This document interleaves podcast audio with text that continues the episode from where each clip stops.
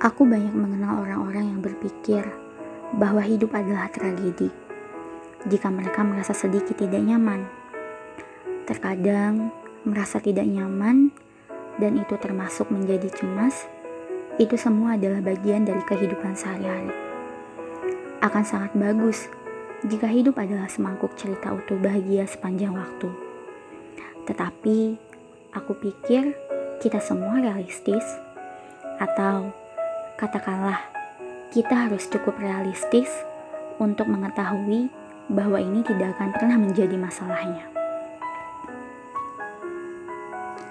Kenyataannya adalah akan selalu ada saat-saat indah dan kemudian akan ada saat-saat buruk dan beberapa di antaranya tak terelakkan.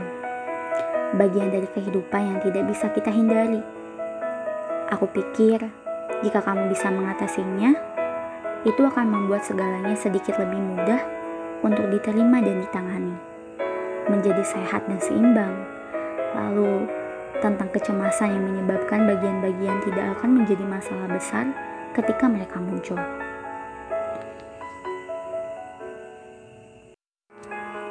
Iya, aku tahu tidak mudah memang mengatasi rasa cemas. Maka, di podcast kali ini, aku ingin mengurainya dengan sedikit pemahaman yang aku pelajari dan hal apa saja yang bisa mengatasi rasa cemas. Semoga bisa bermanfaat ya. Mungkin tidak akan memberikan reaksi positif yang cepat untukmu, atau bahkan bisa jadi kamu akan menyangkalnya.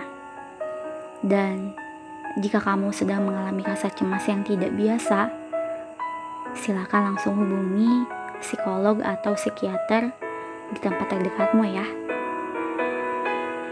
Semoga di episode kali ini kayuhan sepeda bisa menjadi teman yang hangat untukmu yang tengah merasa cemas. Selamat mendengarkan.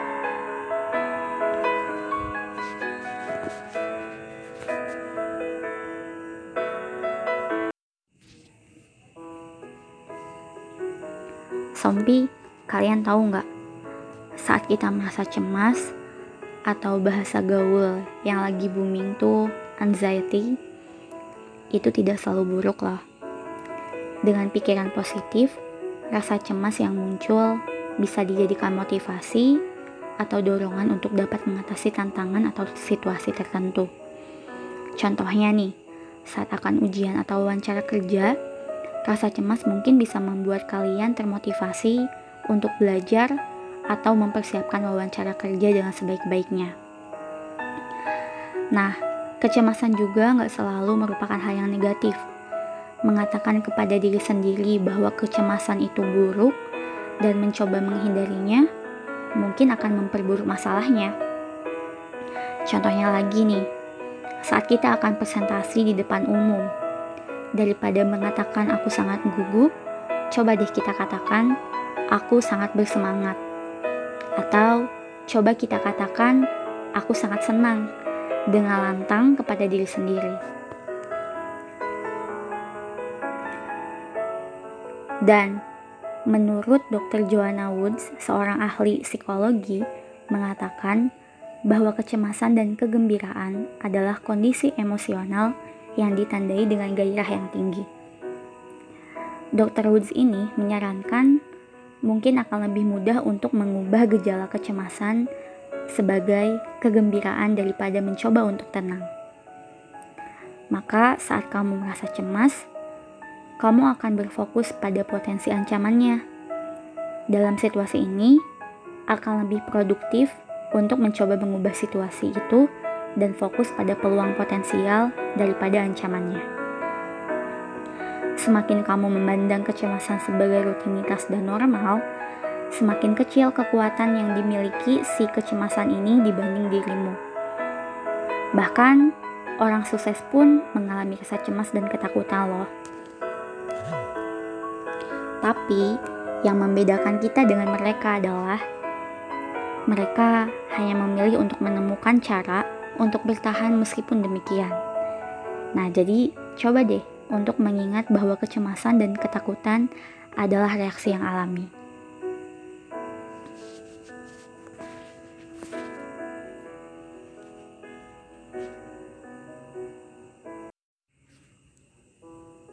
Setelah membaca beberapa artikel dan beberapa pendapat dari para ahli psikologi, aku bisa menyimpulkan dan berpikir bahwa kecemasan sering kali diakibatkan oleh semacam kekhawatiran tentang masa depan. Betul atau enggak sih? Soalnya aku kayak gitu. Soalnya mungkin kita itu sering mengkhawatirkan hasil dari sesuatu yang benar-benar sangat kita pedulikan. Nah, jadi coba deh ingatkan diri kita, mengapa sih itu penting bagi kita sejak awal?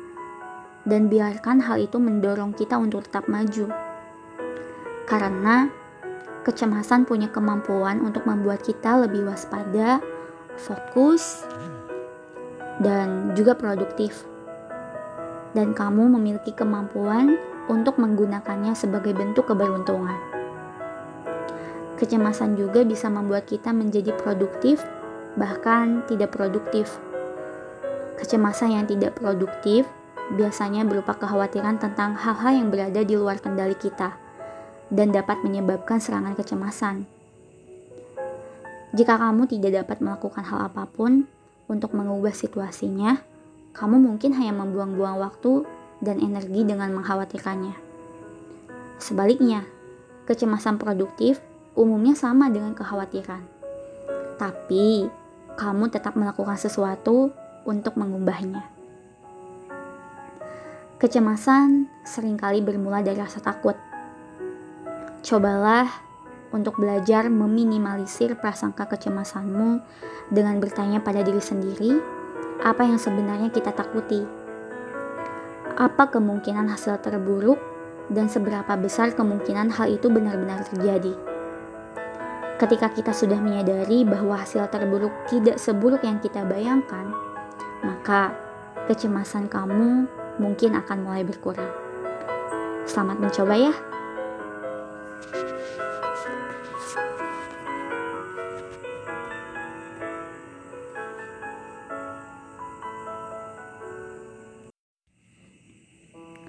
Tapi, hal yang perlu diwaspadai adalah ketika rasa cemas tetap muncul, meski faktor pemicunya itu udah hilang, atau perasaan cemas muncul tanpa alasan jelas dan bahkan mengganggu aktivitasmu. Nah, kalau udah kayak gini, kita harus udah curiga adanya gangguan kecemasan. Kalau kita melanjutkan ke ilmu psikologi, kita mungkin mulai di tempat yang berbeda. Maka, dengan kebaikan yang besar dan tanpa rasa tidak hormat, aku mungkin akan melangkah melewati isi objektif bagaimana ilmu psikologi membahasnya, dan melihat sesuatu yang lain, bagaimana perasaan orang yang cemas tentang diri mereka sendiri. Sebab, aku tidak profesional dalam bidang ini. Sebelum melangkah lebih jauh, aku ingatkan kembali jika kalian memang mengalami gangguan kecemasan ketika rasa cemas tetap muncul, meski faktor pemicunya sudah hilang, atau perasaan cemas muncul tanpa alasan jelas, bahkan mengganggu aktivitasmu, maka lebih baik kamu langsung menemui psikiater atau psikologi terdekat ya. Berdasarkan dari apa yang telah aku baca dan aku rangkum, para ahli psikologi ini membagi kecemasan ini menjadi beberapa macam tingkatan. Anxiety mulai dari yang normal hingga berbahaya. Masing-masing penderita dapat merasakan gejala yang berbeda, tergantung jenis gangguan kecemasan yang dideritanya. Untuk menentukan apakah anxiety yang muncul terbilang normal atau disebabkan oleh gangguan mental, maka kita perlu melakukan pemeriksaan oleh psikolog atau psikiater. Nah, sekarang mari kita uraikan dulu apa yang membuat kita menjadi cemas. Menurutku, jika diselami baik-baik mengenai anxiety yang normal ini, akan datang saat kita tengah berjauhan dengan diri sendiri yang sedang tidak kita sukai. Dan di saat bersamaan, kita juga sedang membenci diri kita sendiri. Sebagian besarnya Mungkin contohnya adalah saat kita tengah memperjuangkan tujuan atau mimpi kita. Tapi di tengah jalan tiba-tiba kita kehilangan arah dan bertanya-tanya apakah ini jalan yang benar. Lalu di saat itu juga kita mulai membandingkan diri kita dengan orang lain. Kemudian merasa diri ini kecil, tidak ada apa-apanya, merutuki diri, dan mencemaskan perihal masa depan. Aku tanya deh, pernah gak sih kita merasa gagal, tapi ternyata orang-orang terdekatmu justru bangga pada giginya usahamu? Mereka tentu saja ikut bersedih dengan kegagalanmu, tapi mereka merangkulmu dan berkata bahwa usahamu sudah cukup baik dan membanggakan. Lihatlah, orang lain tidak meninggalkanmu saat kamu gagal. Mereka tetap mendukungmu dan juga mengapresiasi usahamu. Tapi, kenapa kita begitu mudah menilai diri ini buruk dari hasil yang ada, sehingga lupa memberi apresiasi bahwa kita sudah berusaha?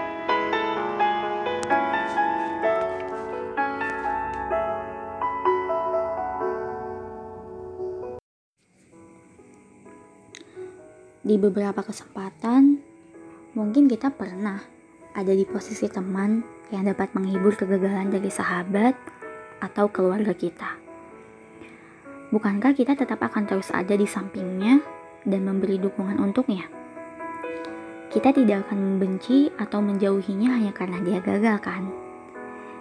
Jika kita saja bisa sesuportif itu pada orang-orang yang kita sayang, mengapa kita begitu mudah meninggalkan diri kita sendiri?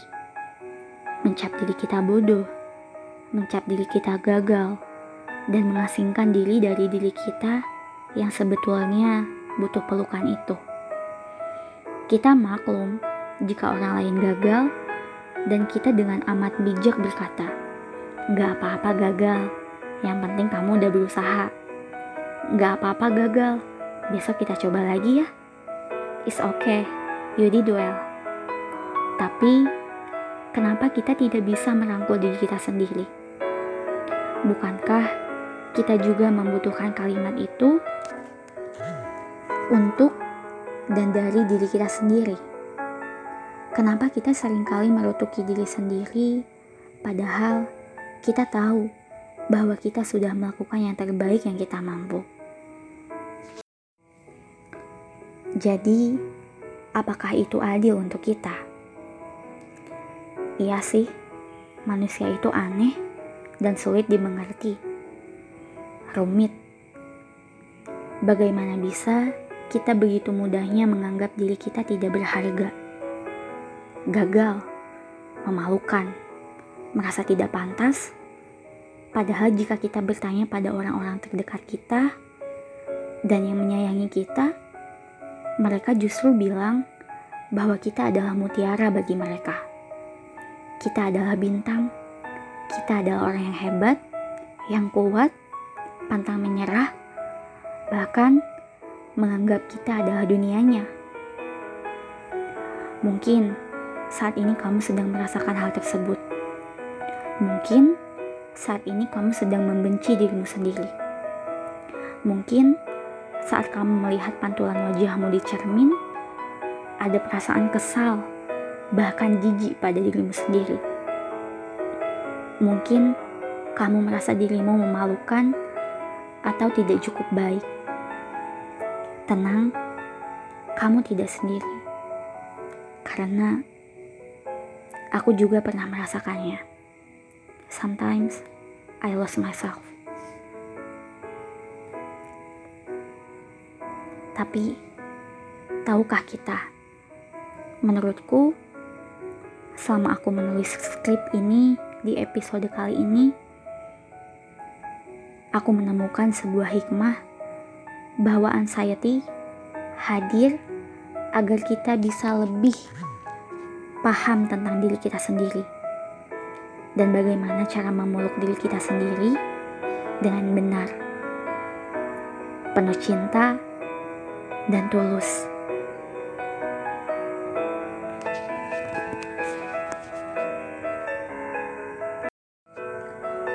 Memang, Memeluk diri sendiri saat anxiety itu bukanlah hal yang mudah. Tapi ingatlah bahwa di saat-saat seperti itu, kita paling membutuhkan diri kita sendiri. Kita membutuhkan diri yang menerima kekurangan kita. Kita membutuhkan diri yang tetap suportif dan memberikan apresiasi pada diri kita. Kita membutuhkan rangkulan dan pelukan dari diri kita sendiri.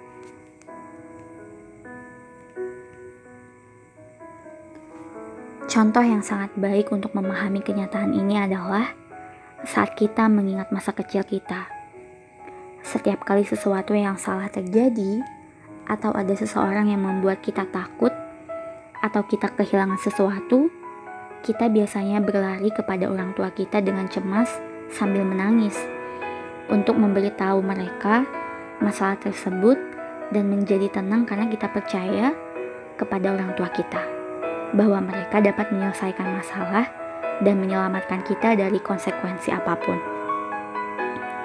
Para psikologi merekomendasikan bahwa kita memang membutuhkan seseorang untuk berbagi kekhawatiran yang kita rasakan untuk membantu mengurangi kecemasan. Meskipun seseorang merasa lega saat berbagi kekhawatiran dengan orang lain, kadang berbagi semua jenis masalah dengan orang lain tidaklah cocok bagi sebagian orang. Juga orang tidak akan selamanya bisa membantu kita dalam sebagian besar masalah yang telah kita hadapi. Ya, kita membutuhkan seseorang yang mendengarkan kita, membimbing kita, menyelesaikan semua masalah kita. Tidak menceritakan masalah kita kepada orang lain dan kepada siapa pun. Makhluk seperti itu harus maha tahu, penopang segalanya, dan juga kita tahu bahwa tidak ada selain Allah yang maha kuasa. Maka, menjelaskan kekhawatiran kita kepada Allah, kita kembali menjadi lebih ringan. Melalui doa, kita bisa menyingkirkan semua pikiran yang mengganggu kita sampai kita membaginya dengan seseorang. Melalui doa, kita dapat mencari bantuan untuk hal-hal yang berada di luar batas dan kekuatan kita. Bagaimanapun, kita tidak bisa menyangkal bahwa yang bisa menetralkan rasa cemas adalah perasaan tenang. Dan tenang itu hanya berasal saat kita memutuskan untuk berbagi dengan Allah dan menyerahkan semuanya kepadanya. Saat ini, di mana pun kamu berada, sambil mendengarkan podcast ini, peluklah dirimu, silangkan kedua tanganmu, dan genggam bahumu, katakan kata-kata apresiasi yang menguatkan untuk dirimu. Cobalah untuk adil pada diri sendiri. Jika orang lain bisa melihat mutiara dalam diri kita, kita yang seharusnya lebih tahu dan melihat itu lebih dulu sebelum mereka. Jika kita bisa cinta dan hadir untuk orang lain, seharusnya kita juga bisa cinta dan hadir untuk diri kita sendiri. Sebab, hey, yang merasa khawatir dan cemas tidak hanya kamu. Aku pun demikian karena kita sama-sama manusia. Kayuhan sepeda ada di sini. Aku percaya kamulah yang membuat sepeda ini terus mengayuh dan membuat hubungan ini bisa terjadi. Meskipun aku tidak bisa menemukanmu, tapi kamu tetap bisa menemukanku. Selamat memeluk diri sendiri dan selamat mencoba adil pada diri sendiri. So, heal your anxiety with doa. Dan pada saat bersamaan, you will realize that you love yourself with anxiety. Kayuan sepeda pamit. Semoga bermanfaat. See you next episode. Wassalamualaikum warahmatullahi wabarakatuh.